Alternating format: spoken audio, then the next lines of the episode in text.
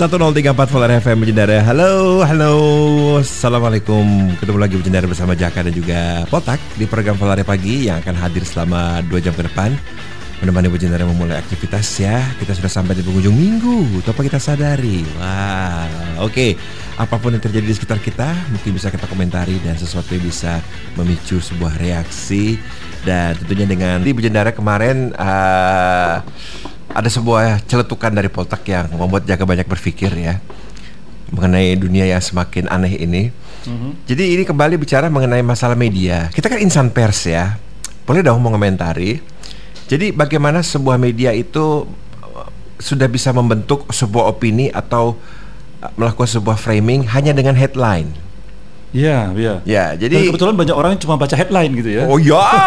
baca itu malas baca. Ya juga memang hmm. tidak ada gunanya memberikan traffic kepada media yang memang memiliki tendensi untuk menciptakan sebuah narasi dan juga headline yang bombastis tapi isinya nggak nyambung ya. Iya. Jangan kasih mereka traffic. Tapi itu menarik kalau kita sudah bicara mengenai suatu hal yang lebih serius. Misalkan Uh, kita suka heran kalau misalkan kita melihat ada sebuah berita headline dari sebuah kasus misalkan kemarin yang cukup cukup menarik perhatian kita ya itu adalah sebuah kasus kriminal yang melibatkan uh, dua etnis yang berbeda hmm. dan banyak sekali headline-headline itu yang tidak seperti apa ya ini yeah. ini ada rumah mm -mm. yang terdiri dari jerami-jerami yang rawan terbakar. Yeah Terus dia main kembang api di dekat situ. Iya. Sambil merokok. Uh -uh. Uh. Itu kan very unwise. Udah hanyut di got itu ya. Very lalu, unwise. Lalu. Jadi sebenarnya apa gitu loh? Apakah sedemikian sedemikian hollow kah mereka sehingga menganggap bahwa apa yang mereka lakukan ini tidak memiliki implikasi yang bisa hmm. berkepanjangan dan bahkan bisa menimbulkan sebuah konflik yang tidak terbayangkan. Iya, iya ketika kita melihat pemuka agama, pemuka adat, mm -hmm. uh, aparat pemerintah semua juga sudah hand in hand berusaha mengcontain isu ini supaya tidak melebar ke mana-mana. Tapi beberapa media seems don't care gitu loh. Iya. Jadi sebenarnya Let's fire up the masses gitu. Wah, wow, tapi untung tidak terlalu melebar ke mana-mana ya. Iya, jadi uh, beberapa media yang sudah memiliki come back to the senses mm, langsung bisa mengkontennya ya. Nah akhirnya ke, ter, ke beberapa media yang suka frame orang dengan suku atau agamanya gitu loh. Misalnya kejadian pelakunya adalah uh, uh, pemuda suku X dari apa dari sebelah utara kota gitu ya orang orang kan langsung itu udah udah ngeframe gitu kan? Iya. Itu jadi tidak boleh itu akhirnya jadi terbiasa gitu karena misalnya di salah satu grup uh, di salah satu grup uh, yang saya uh, ada di WA itu yang saya ikuti di WA uh, ketika ada pencurian kotak amal gitu salah satu anggota grup langsung bilang e, itu anak mana ya? Kok kayaknya dari suku ini? Gitu, gitu loh itu kan akhirnya terbiasa orang jadinya gitu kan. Karena apa media juga itu sebenarnya kan cari saya, saya bilang bukan cuma informasi uh, uh, bukan bukan cuma informasi gitu loh. Tapi juga bisa menjadi uh, pendidikan baik itu mendidik positif maupun mendidik negatif gitu kan. Dan lagi pula kalau apa di, kalau kita ngomongkan soal diksi itu diksi itu bisa mengajak orang untuk menindas orang lain loh. Betul. Ngeri kan? Ngeri Jadi banyak kata-kata yang menghakimi sebenarnya ya, yang bisa kita lihat di beberapa apa, di beberapa media, apalagi kalau sudah ada kejadian yang menyangkut uh, sara gitu ya. Misalnya ada kata-kata sesat, kafir, murtad, sakit jiwa, lancang, itu kan tobat. Uh, itu, uh, so, itu itu kan apa penghakiman itu sebenarnya kan? Iya. Ya. Atau disyahadatkan, itu kan penghakiman juga sebenarnya gitu loh. Betul. Nah, jadi tapi tapi gimana Bu Jendara ya? Kita sekarang memang hidup di, di era di mana hmm. uh, sudah orang sering bilang bahwa bukan lagi masalah kebenaran tapi kebenaran versi siapa gitu loh. Yeah, dan, dan juga ya masalah headline untuk menarik traffic itu ya semakin sensasional memang semakin hmm. membuat orang mengklik gitu ya. Ya, jadi pemberitaan tuh sering kali menarik apa dari kriminal ke wilayah uh, sara gitu ya suku dan etnis. Jadi eh, selalu digoreng sana ya. Iya, uh, jadi ujungnya bukan uh, siap uh, ujung-ujungnya itu jadi siapa yang korban padahal bukan apa masalah sebenarnya gitu loh. Padahal sebenarnya yang betul kan ini masalahnya apa gitu loh, kejadiannya apa, kriminalisasinya kriminalnya apa gitu kan. Tapi enggak ya berita itu ditarik jadi siapa yang korban gitu kan. Bawa-bawa lagi frame Sarah itu tadi kan. Jadi, Jadi kalau misalkan ada artikel yang nggak ada hubungannya sama politik, tiba-tiba dibawa ke sana. Ah, gitu. gitu loh. Apalagi sekarang politik agama eh, kayaknya gorengan yang ini ya laris manis ya. Kayak lorek, gorengan yang nggak sehat itu kan udah digoreng pakai minyak yang nggak jelas, dikasih susu kental manis, digosok apa di, diparutkan keju, ditaburin mises, betul-betul luar ahli gizi seluruh dunia garuk-garuk itu ngeliatnya kan nah, kayak gitulah. Jadi ibaratnya kalau misalnya saya nggak suka sama ini, berarti Hmm. saya pro ini. Iya, Selalu ada seakan hitam dan putih kan. labelan hal seperti itu gitu loh. Padahal kan saya sih prinsipnya simpel aja, saya nggak suka semuanya. Dan kita sebenarnya gini loh, kalau kita nulis berita itu eh, misalnya kita mengungkapkan hal yang pribadi, kita tidak suka eh, misalnya tindakan kriminalnya gitu loh, bukan kelompoknya atau orangnya gitu kan. Jadi kadang-kadang saya pikir jurnalis ini pedagang kata-kata kah? Ya bisa seperti itu. Seharusnya kan jadi pedagang nurani. Ais. Segatal kan saya.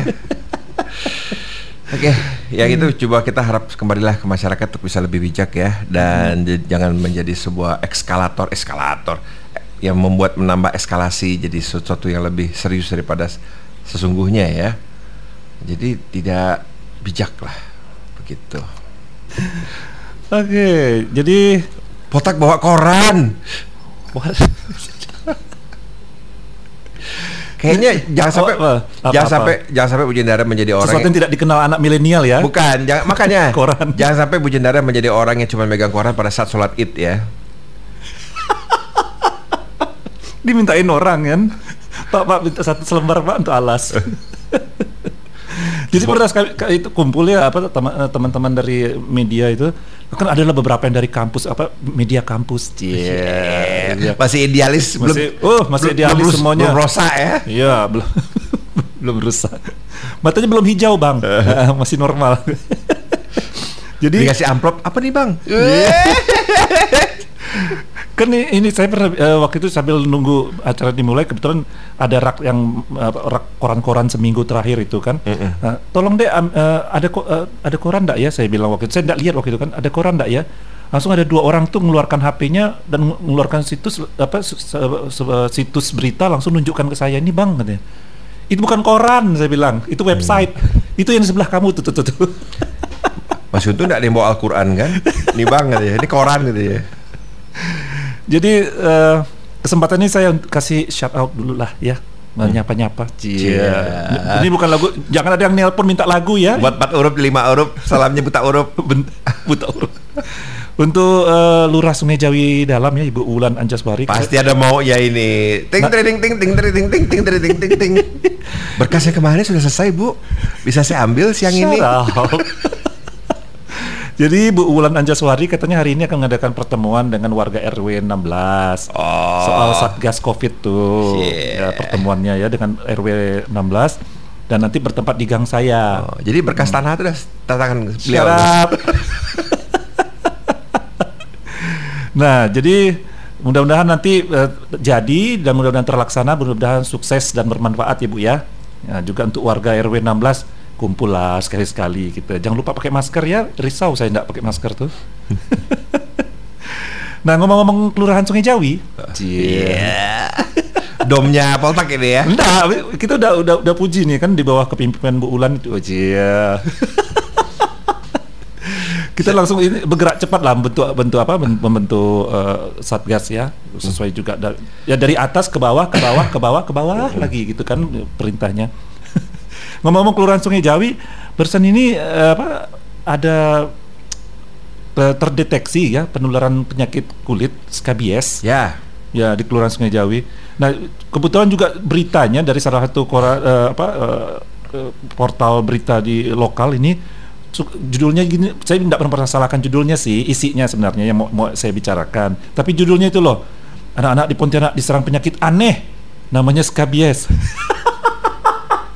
Ya, ini juga akhirnya Apaan sih? memicu histeria yang tidak perlu ya. Iya, sebenarnya clickbait sebenarnya biar orang ah apa nih apa nih gitu kan. Karena rata-rata anak-anak yang dulu main di rumput-rumput, Nggak ada apa-apa tuh. oh, istilahnya itu Saya juga, cuma digigit belalang sembah ya saya. Iya, istilahnya itu juga sama, skebis juga tapi tidak atas disebut penyakit aneh. Karena Hmm. penyebabnya tungau kan. Iya, tungau gitu loh. Jadi Jadi puluhan warga Pontianak ini di dua gang, eh, di dua gang kawasan eh, Jalan Apel, Kelurahan Sungai Jawi Luar. Eh, sedangkan Bu Ibu apa, Ibu tadi dari Sungai Jawi Dalam ya. kenapa sih bobok Sungai Jawi gitu ya? Saya kan Sungai Jawi dalam gitu. Kelurahan Sungai Jawi luar ini gang gang apel betul lah. Kalau Sungai Jawi luar kan arah sana arah, arah Jerujuk kan. Uh, jadi di gang ini mereka terkena ber- uh, penyakit uh, skabies. Di sini totalnya ada 9 orang, ter, uh, semuanya kena skabies. Kalau kita lihat sih skabies itu kan sebenarnya penyakit yang apa uh, kalau kita lihat sedikit ya kondisi yang menyebabkan rasa gatal pada kulit akibat ter terdapatnya tungau yang menggali ke dalam kulit. Tungau itu binatang yang uh, makanannya kan uh, kulit mati, kulit yang udah lepas. Itu sebabnya dan kulit kulit manusia itu kulit uh, apa ya kulit luar nih. Aduh, kok jadi lupa saya. Ari-ari. Kok ari-ari. Nah itu kulit itu kan berganti lepasnya uh, lep, uh, bergantinya kan dari dalam naik ke atas gitu kan sel-sel uh, kulit. Nah yang di luar tuh yang udah mati itu lepas. Itu terjadi ketika kita tidur di malam hari. Saya tidak lepas nih bang jadi kapal ya. Kepalan. Uh. itu reaksi tubuh ya menebal sendiri gara-gara gara-gara tindakan anda. Nah jadi, nah makanya sering kali uh, tungau ditemui di tempat kita beristirahat. Ya. Misalnya tempat tidur, dipan, tikar ataupun di di kursi di sofa gitu ya. Nah jadi uh, dan uh, kalau mereka udah mak, uh, makan mak, sebenarnya mereka mak, makannya cuma kulit itu aja, tapi hmm. begitu mereka beranak uh, beranak pinak, eh, kok beranak sih mereka bertelur pinak. jadi banyak akhirnya kan istilahnya berebut makanan. Ujung-ujungnya mereka langsung me, me, mengambil dari kulit kita gitu loh. Ya. Nah, akhirnya uh, kalau mereka sudah menggigit kulit kita, menyebabkan rasa gatal yang hebat pada area di sekitar kalian tersebut. Rasa gatal itu disebabkan oleh kalau nggak salah itu air liurnya ya. Memang cara mereka itu. Beberapa binatang kan memang menggunakan air liur untuk ini untuk kalau kalau tunggal itu untuk melepaskan kulit hmm. ari ya, kulit ari namanya yang di luar. Sedangkan kalau kayak lintah itu kan untuk mencegah pembekuan darah. Mereka menggunakan air liur mereka itu. Jadi beberapa binatang memang yang suka menggigit itu memang menggunakan air liurnya. Nah, hasrat untuk menggaruk ini biasanya dirasakan makin meningkat terutama pada malam hari. Lah ya kalau mereka aktif malam hari kan. Ya ya ya. Hmm. Jadi skabies ini merupakan penyakit yang menular dan dapat menyebar secara cepat. Penularan terjadi melalui kontak fisik dengan anggota keluarga, kelompok uh, perawatan anak bisa, ruang kelas, panti atau penjara. Ya, ini sering karena yang, yang apa istilahnya populasinya padat ya dalam satu dalam satu ruangan gitu, dalam satu rumah gitu. Nah, karena sifatnya menular, biasa dok, dokter itu merekomendasikan penanganan uh, kalau udah ada satu yang terdeteksi penanganannya untuk seluruh keluar, anggota keluarga atau kelompok yang tinggal berdekatan. Nah, skabies ini dapat tangani dengan cepat. Pengobatan dapat dioles bentuknya biasa salep oles, ya, uh, untuk membunuh tungau. Uh, kemudian kalau kita lihat sendiri sih gatal pada skabies ini merupakan reaksi alergi dari tubuh ya terhadap tungau, telur dan juga kotorannya. Nah, jadi kontak fisik yang dekat itu bisa menyebabkan penularan. Penggunaan barang pribadi yang ber bersamaan ya ya atau berbarengan uh, seperti alas tidur, sisir, pakaian itu ya. Ini dapat terinfeksi, dapat menyebabkan infeksi uh, gigitan tungau juga. Ya, atau perpindahan bahkan telurnya ya berpindah. Nah, juga barang-barang tempat kita beristirahat yang jarang dibersihkan atau di itu ya, dijemur. Nah, mereka itu kan ada pigmen. Jadi kalau kena sinar matahari, kena apa langsung mati kena ultraviolet. Jadi memang ya, harus dijemur. Ya jadi kalau misalkan Bu Jendara memang sudah menjadi sebuah rutinitas harusnya ya kita mm -hmm. sebagai apa istilahnya uh, memiliki uh, kalau misalnya kita juga harus akui terkadang sirkulasi udara di sebuah ruangan itu tidak optimal ya, yeah. sehingga mengakibat suhu yang terlalu lembab, apa kondisi udara yang terlalu lembab lah atau apalah. Jadi memang harus melakukan tindakan-tindakan uh, seperti melakukan menjemur, mm -hmm. ya dan juga kalau kasus anak saya sih karena karena yang sulung itu kulitnya luar biasa sensitif ya. Mm-hmm. Uh, jadi saya kadang heran ini anak kayak begajulan tapi kulitnya sensitif gitu ya. jadi ketika baring di apa di tempat tidur yang tidak dialasi spray baru, uh merah-merah. Hmm, yeah. Berintil-berintil langsung. Jadi memang hmm. sekarang juga sekarang lagi diobati sama neneknya juga sama ibunya karena memang banyak bentol-bentol yang timbul gitu loh. Kenapa kalau penyakit kulit pada anak balita dan batita selalu nenek yang turun tangan ya? Oh iya dong. Karena ayah kebingungan gitu. Karena biasanya saya memilih lah tanya ke dokter aja biar lebih jelas. Ah, gitu loh. Nah. Sedangkan or, uh, apa uh, nenek atau kakek kan punya kebijaksanaan yang sudah lama. Kearifan lokal. Kearifan lokal nah. gitu ya. Pakai minyak ini, ya, kayak, kayak, gosok kayak, ini. Kayak kemarin tuh kan saya bilang, karena anak saya bungsu juga udah mulai merah pipi gitu. Mm -hmm. Tanya, telepon aja dokter tanya apa gitu kan Jadi memang ini adalah apa ya? uh, memang seperti yang Potak singgung dari awal, ini bukan sebuah penyakit aneh. Iya, udah Ini dari dulu zaman dulu ini. Penyakit yang sangat dekat dengan kita yang hidup di Katulistiwa. Betul, betul. Lembab, ya, mem- dan lembab, panas, ya. panas, dan juga kita harus akui terkadang memang debu dan Iya. juga ya sekali lagi kita memiliki desain rumah yang terkadang memang Iya, itu dia. Eh, Yang apa eh, tidak tidak terlalu banyak masuk cahaya matahari ya. cahaya matahari tidak Mm. tidak Apalagi kalau kita tinggal di gang nih, umumnya mereka tinggal di gang ini yang kena skabies ini. ember. Ya, jadi udah dempet-dempet gitu ya. Hmm. Jadi kalau di apa di kelurahan Sungai Cawi Luar ini awalnya ada laporan 84 orang ya. Eh, kemudian 75 orang yang terkena setelah diobati masih ada 75 orang yang terkena penyakit. Nah, jadi kepala UPT Puskesmas Perumnas 1 Kecamatan Pontianak Barat nih eh, kemarin menjelaskan penyakit eh, bahwa se- sekarang mereka sudah di- diobati, kemudian katanya jangan digaruk bisa menyebabkan infeksi. Iya di Garut itu hanya menyebabkan koreng nanti. ya. Hmm. Iya, betul. Korengnya hanya berbekas. Oh, betul. Nah, kemudian di, eh, yang yang agak merepotkan lagi ini kita di tengah situasi pandemi COVID-19 ini kan. Jadi kalau ada kita jangan sampai ada istilahnya kayak pan- eh, dalam tanda kutip pandemik lain lagi gitu loh mengiringi gitu kan. Kan rempong. Penyakit, penyakit aneh. Tapi ngomong-ngomong soal tungau ya. Hmm. Jadi dulu waktu saya pertama kali pramuka penggalang itu Hmm. kelas 4 SD kalau nggak salah ya kan disuruh bikin regu tuh. Iya. Kami mengusulkan regu tungau dan ditolak mentah-mentah oleh kakak pembina. What? Kan binatang. Maka kami sudah bikin bendera aja itu cuma titik pakai spidol gitu. Iya, iya, iya. Langsung dimarahin. Ya serius lah kalian. Iya. Akhirnya kami mengalah jadi regu naga. Tapi karena image-nya itu seli, im- image-nya itu jelek gitu. Padahal sebenarnya Kreatif, kan? Setiap hewan ciptaan Tuhan tuh ada sisi positifnya gitu loh. Iya. Ya bahkan nyamuk, lalat pun ada sisi positifnya gitu loh. Tapi gini loh, kalau di kebudayaan misalnya kayak di eh, di, di Jepang, fox eh, binatang fox itu rubah ya. Nah, itu kan sering diasosiasikan sebagai eh, jelmaan roh gitu, loh, roh jahat gitu loh. Makanya kalau anak-anak misalnya kayak anak-anak pandu atau pramuka kalau pakai la- lambang fox atau ekor fox mereka teman-temannya kesal gitu loh, nggak boleh katanya gitu. Bisa mancing ma- macam-macam lah gitu katanya kan. Jadi ketidaknyamanan. Nah, sekali lagi gini loh.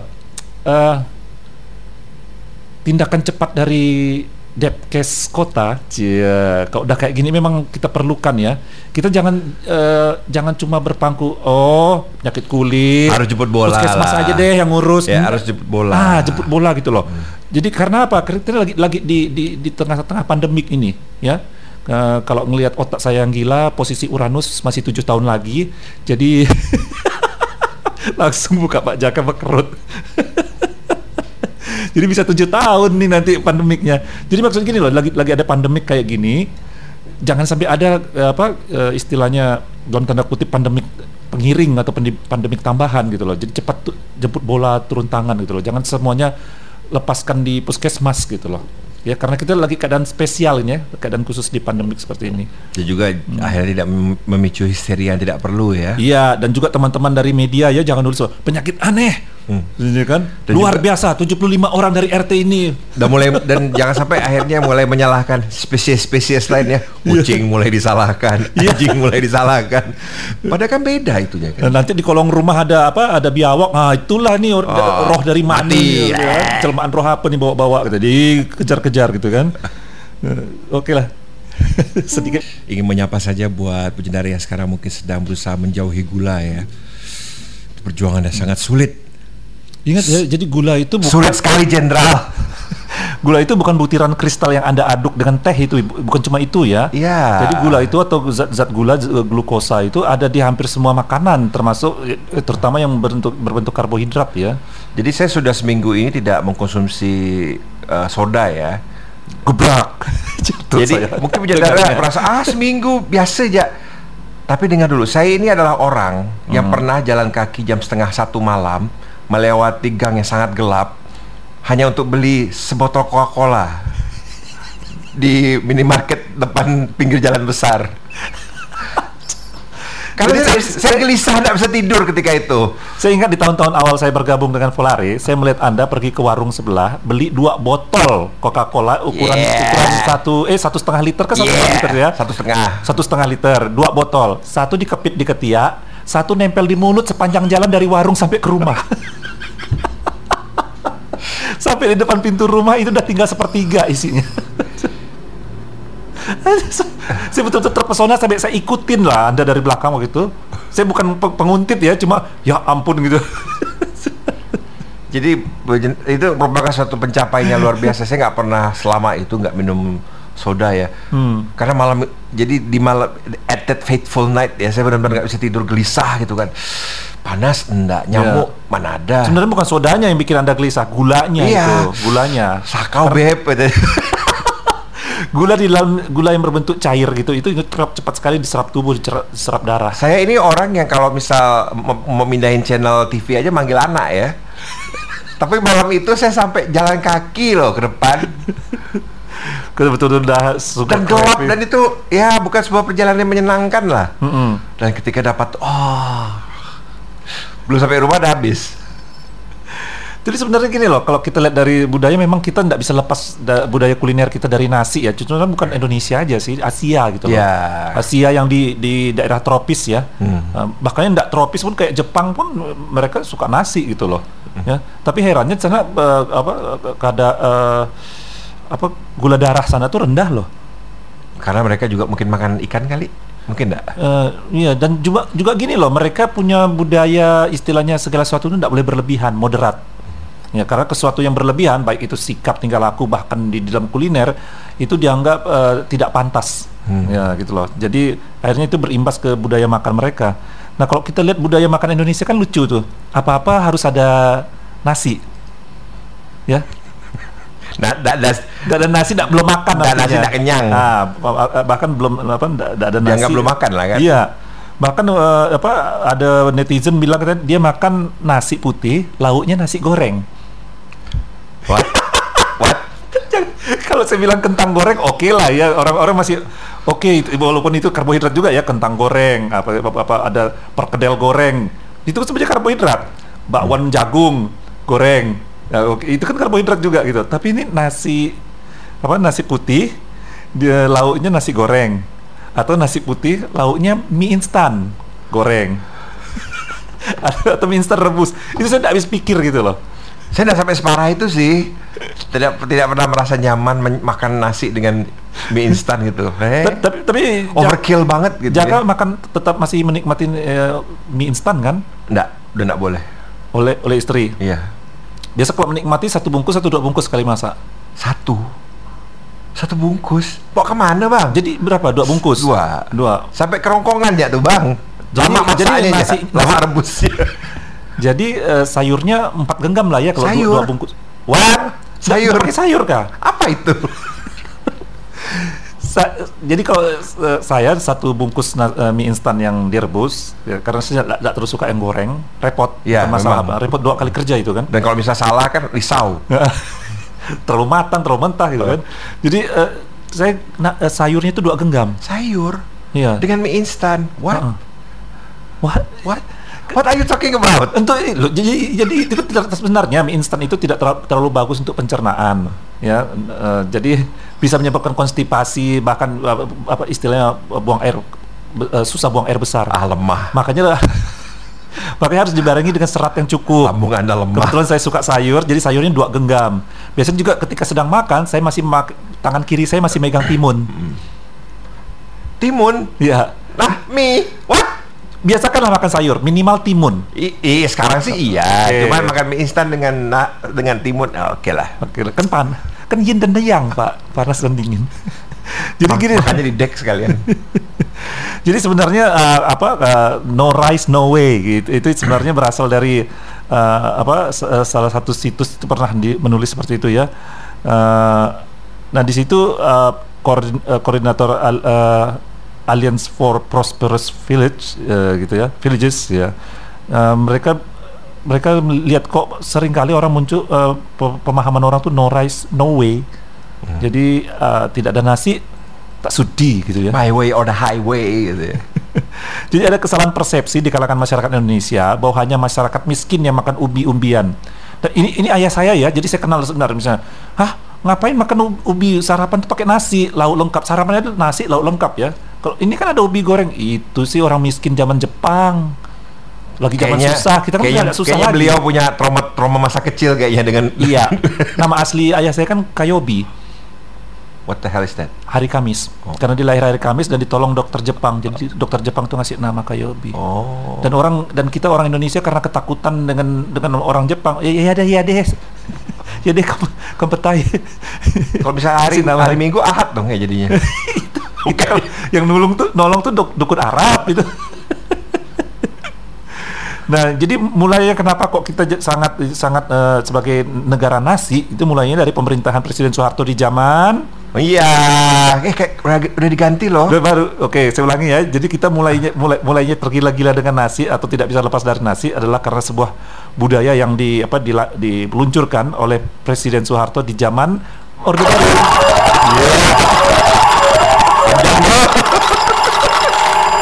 Menang judi nih. Pacinko, mesin pacinko itu.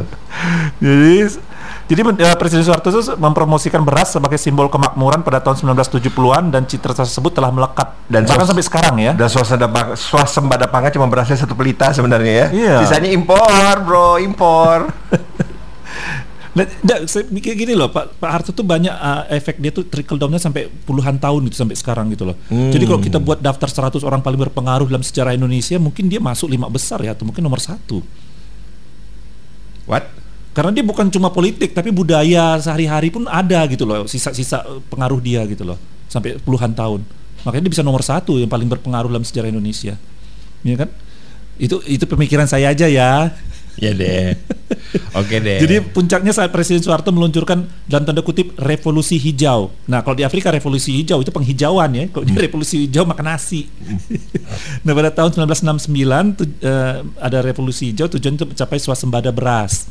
Sampai pada tahun 1984 untuk pertama kalinya produksi beras dalam negeri melebihi konsumsi. dan sekali itu aja. Ya, dan dan saya ingat awal 80-an pegawai eh, eh, orang-orang militer dan pol- eh, polisi itu berasnya bagus-bagus loh beras pembagiannya. Tapi setelah itu balik lagi bekutu. Jadi be- be- sebelum tahun 80-an dengan saat sudah eh, 85 itu ayah saya itu beras tuh enggak pernah enggak pernah dibawa pulang ke rumah. Suruh petugas gudang beras itu jual gitu. Nanti dia beli yang bagus di tempat eh, Oh. di pasar tengah. Jadi saat eh, di tahun awal 80-an itu orang Indonesia dari Aceh hingga Papua terpaksa dalam tanda kutip ya makan nasi.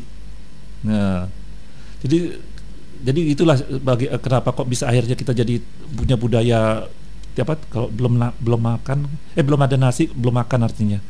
Nah, jadi sebenarnya baik nggak sih nasi itu gitu loh bagi kesehatan kita? Jadi hasil penelitian bilang konsumsi nasi putih yang lebih tinggi itu akan selalu dikaitkan dengan peningkatan resiko diabetes eh, tipe 2, type 2 dia- diabetes, Hmm, Diabetes. diabetik. Ya. Ya. Nah, ini biasanya nih eh, dan ini biasanya dihubungkan penghu- hubungannya ini sangat, sangat signifikan ya. Tetapi hal, ha- pada hasil penelitian ini tidak menyimpulkan bahwa nasi itulah penyebab diabetes, gitu loh.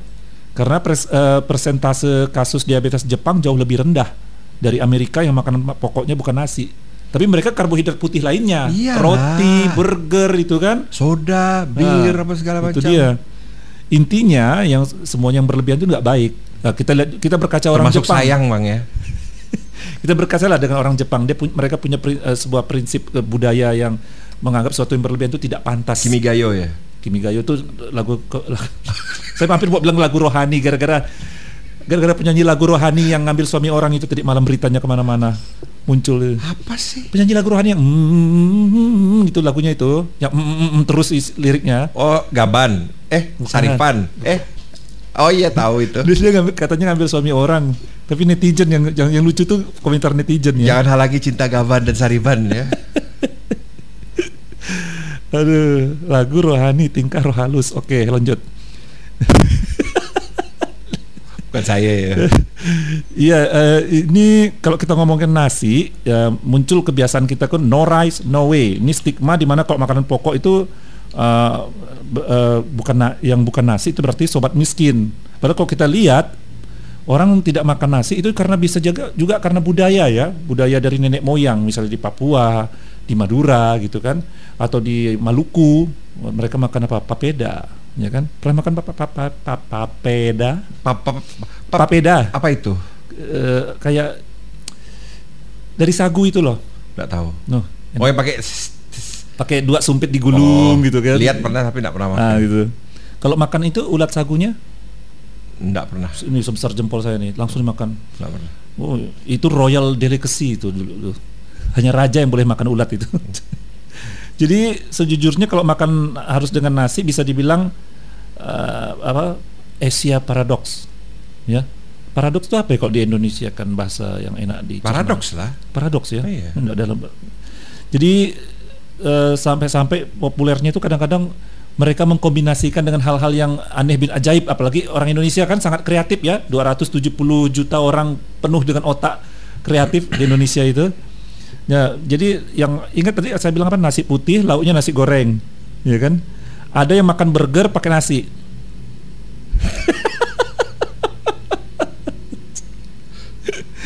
Jadi kadang-kadang saya sampai geleng-geleng orang Indonesia ini kan. Dan sering kali kebiasaan kita yang kurang makan sayur dan protein yang rendah karena gini kalau kita ngomong geser sedikit kita ngomong lauk lauk pauk itu sebenarnya eh, konsumsi eh, asupan protein kita kan dari lauk.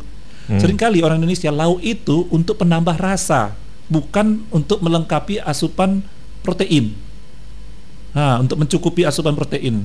Makanya sering orang bilang, banyaknya ambil ikan. Inilah cu- kecukupannya seperti ini gitu loh. Untuk kita tubuh kita laki-laki dewasa seperti ini gitu. Karena mereka untuk eh, dan gitu kebiasaannya masih di ibu saya ya. Jadi kalau makan tuh lauknya sedikit, cuma di, dicuil-cuil apa, dicungkil-cungkil sedikit gitu loh. Nasinya satu sendok, dua sendok. Jadi untuk rasa itu sebenarnya konsep yang salah dalam makan gitu loh. Ya. Jadi kalau kita misalnya ada ber- ya, saya ingat di salah satu apa eh, acara nasinya eh, ada na- nasi putih, lauknya sambal kering bal- eh, kentang di balado, What? sambal kering kentang, ya. Eh, kemudian ada ada perkedel itu dari kentang kan, langsung ada bakwannya, bakwan jagung, langsung nanti di ada toples isinya keripik singkong. Ah, itu gimana tuh? Itu, itu, itu namanya super karbo. Pes- Pesta super karbo itu. Jadi orang tuh enggak enggak ngeliat dari itu karbohidrat atau protein atau serat apa atau, vitamin gitu atau serat enggak. Orang Indonesia tuh ngeliatnya oh beda penyajiannya gitu loh. Tapi esensinya kan sama ya. Itulah dia. Dan kita udah terbiasa misalnya dari anak-anak gitu ya, ketika sarapan dipak- dikasih karbo yang banyak gitu, misalnya mie instan pakai nasi gitu loh, ya. Jadi mungkin nggak perlu banyak sosialisasi ya soal bagaimana kita sebenarnya uh, seberapa cukup sih sebenarnya kita perlu karbohidrat gitu loh. Ya betul. Ya. Jadi Jendare sekarang ini dengan adanya pandemi memang ada salah satu hal positif yang bisa kita ambil adalah meningkatnya tingkat kesadaran masyarakat terhadap pentingnya kesehatan ya. Mm-mm. Jadi saya selama ini tidak pernah peduli sama yang namanya indeks otot, masa otot. Oh, Ternyata mulai membaca-baca dan ternyata itu turut mempengaruhi ketika orang terserang COVID itu apabila memiliki masa otot yang apa, Rendah. rendah itu akan semakin gampang apa parah Ya, sakitnya. makanya manula kan masa ototnya sudah menge- sudah berkurang kan, mereka mudah terkena Jadi juga. mereka akan mendapatkan apa uh, reaksi yang lebih mengkhawatirkan dibandingkan mereka yang memiliki masa otot cukup gitu ya. Iya. Ih, masa otot saya bilang, otot apa itu? Anda masih di bawah empat, umur 40 kan, jadi Iya. masa otot masih bagus Ya, sebenarnya. makanya. Orang mulai ma- makin berkurang setelah 40 gitu loh. Dan terus terang dengan segala macam. Saya sih menganggap ini siksaan dalam konteks yang bercanda ya, karena memang Hmm. saya selalu menganggap kalau misalnya mau hidup sehat, mau sehat karena memang sudah memilih gaya hidup yang tidak sehat selama 20 tahun, Hmm. ya inilah resikonya. Ya pasti jalannya tidak enak gitu. loh. Dulu kalau misalkan dalam sebulan itu dikumpulkan botol soda itu bisa bikin rakit itu. Saking banyak yang diminum itu ya. Bisa bikin sekoci Ya, ya. bisa bikin rakit itu udah lengkap apa, ngapung dua tingkat itu ya bisa. Karena memang banyak sekali sehari bisa satu, satu atau dua lah. Bayangkan dalam sebulan bisa 60 kan. Iya. Gigi tapi sekarang udah habis dah rontok saat sini. jadi jadi memang juga di sisi lain juga kita tidak bisa menafikan bahwa banyak budaya kuliner kita yang memang memuja karbo ya. Ya. Misalnya eh, nasi kuning, lauknya bihun. Habis itu heran saya gitu. Lauknya bihun, ada semur kentang, ada bakwan tambah kerupuk. Nah, itu kan. Nasi kuning lihat aja beli yang biasa pagi-pagi orang mau sarapan itu kan. Nasi kuningnya kan gitu lauknya. Ya itulah makanya. Jadi buat Bu Jendara yang sedang mencoba menjalani hidup sehat ya semangat lah ya dan terima kasih juga buat pasangan yang sudah membantu. Tentunya Hmm. ini tidak akan berhasil, tidak akan maksimal paling tidak apabila tanpa dukungan dari orang terdekat ya, baik itu pasangan maupun anak gitu ya. Sebenarnya gini loh, kalau kalau yang udah level advance, ya Apa itu? le- level advance diet, Apa sih? sebenarnya karbohidrat itu banyak di sayur. Jadi cut aja karbohidrat putih dan segala umbi-umbian itu. Jadi tinggal tinggal, lauk, protein dan dengan sayur. Ih, Emang aku Eh, kambing. mumpung kita lagi deflasi, jadi Mum- sayur kan murah. mumpung saya- emang Empat ribu kambing. aja saya dapat segeng, dua genggam besar loh. Dan kita ter- ba- banyak kuliner kita yang pin- eh, luar biasa dalam menangani sayur ya. Ya. Enak-enak, bagus-bagus. Luar loh. biasa lah. Saya Ah. akui itu memang menjadi Belum lagi yang adaptasi dari eh, kul- kuliner luar ya, misalnya capcay. Nah itu kan enak itu. Ya. itu kuliner luar ke bang. Astaga. Bukan Gajah Mada ke? Sebagai konteks Gajah Mada itu adalah pecinaan di, di Pontianak. Oh, pecinan. Pecinan. Ya. Eh.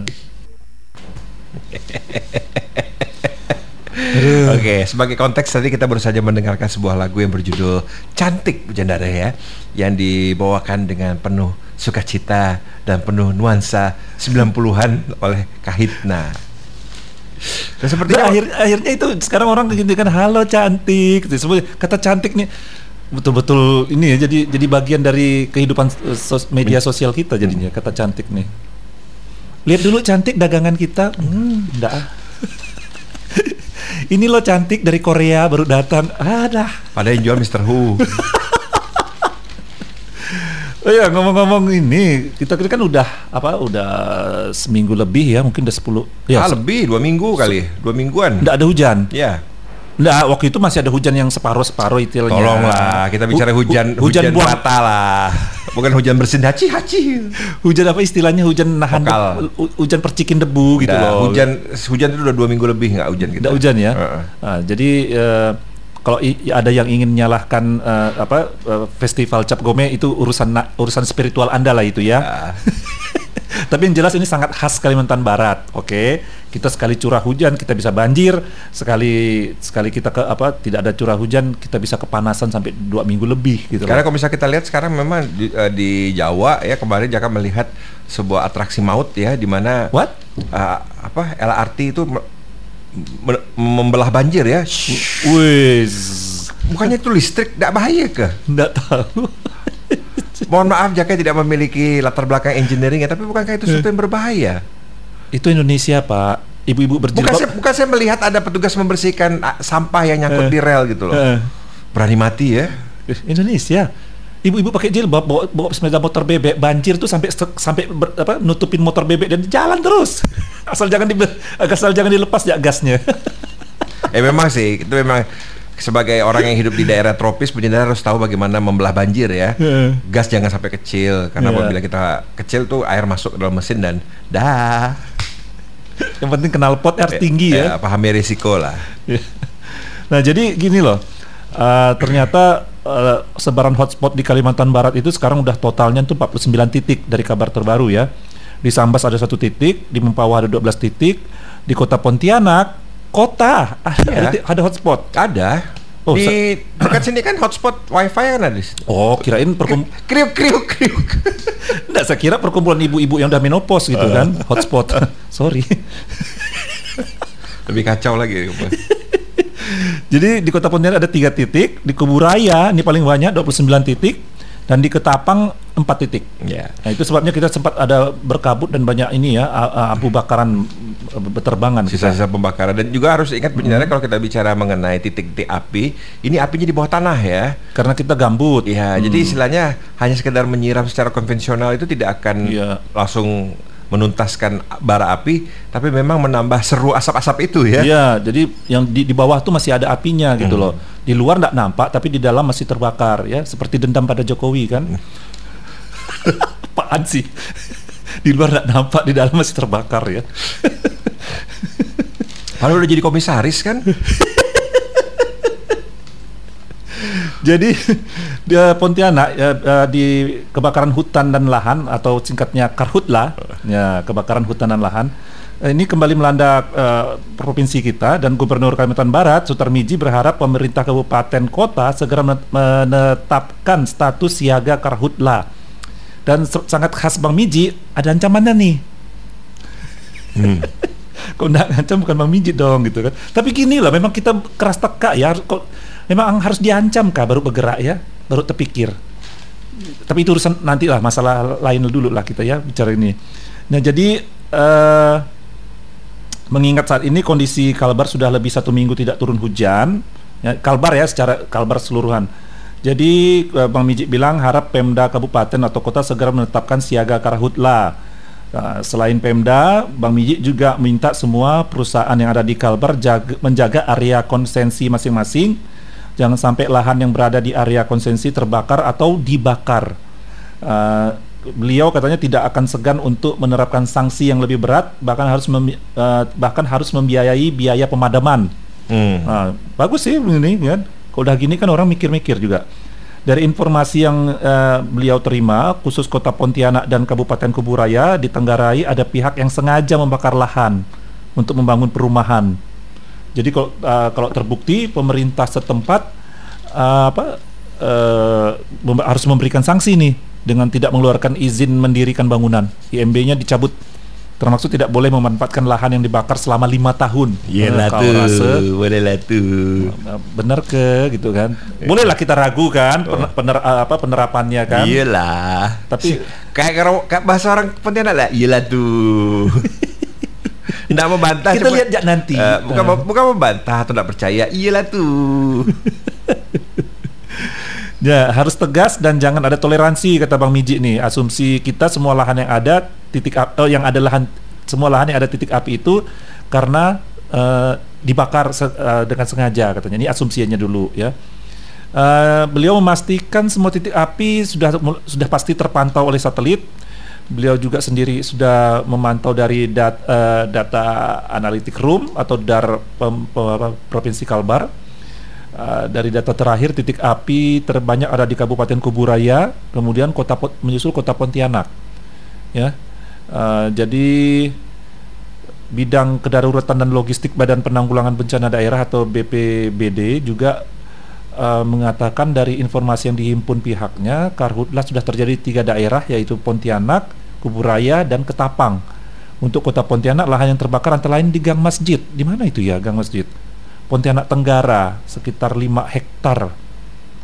Wow, kita di kota Pont kota Pontianak masih ada lahan terbuka ya 5 hektar ya. Purnama masih banyak. Oh, iya. Yang itu anak cucunya mesti berkelahi berperebutkan itu ya. Udah ikut-ikut ah. ya, kemudian eh, di Parit eh, Tokaya kurang lebih 3 hektar 3 sorry 3 hektar dan di Sepakat 2 kurang lebih 200 meter persegi. Oh iya, semua lahan, lahan gambut itu kan. Eh, sementara di Kabupaten Kuburaya, daerah Rasau Jaya, lahan yang terbakar mencapai 50-an hektar. Wow, besar ya. Eh, Sungai Raya kurang lebih 15 hektar. Eh, ah, Limbung, Limbung tuh arang Limbung maksudnya ya. Kurang lebih 7 hektar. Kakap 65 hektar. Besar, besar. Lumayan pantas ngirim asap banyak ya. Banyak. Jadi disepakati itu kan kemarin ya memang cukup Hmm. terasa gitu buka jendela tuh ya. huh, nusuk langsung gitu. Iya. Nah, yang Sebagai bengek family kami langsung merasa terganggu. Yang paling bikin saya kesal tuh celana dalam saya yang dijemur di dalam rumah aja jadi bau asap gitu loh. Padahal dalam rumah. Kesel saya. Gitu aroma baru kali. Itu. Aroma tengi.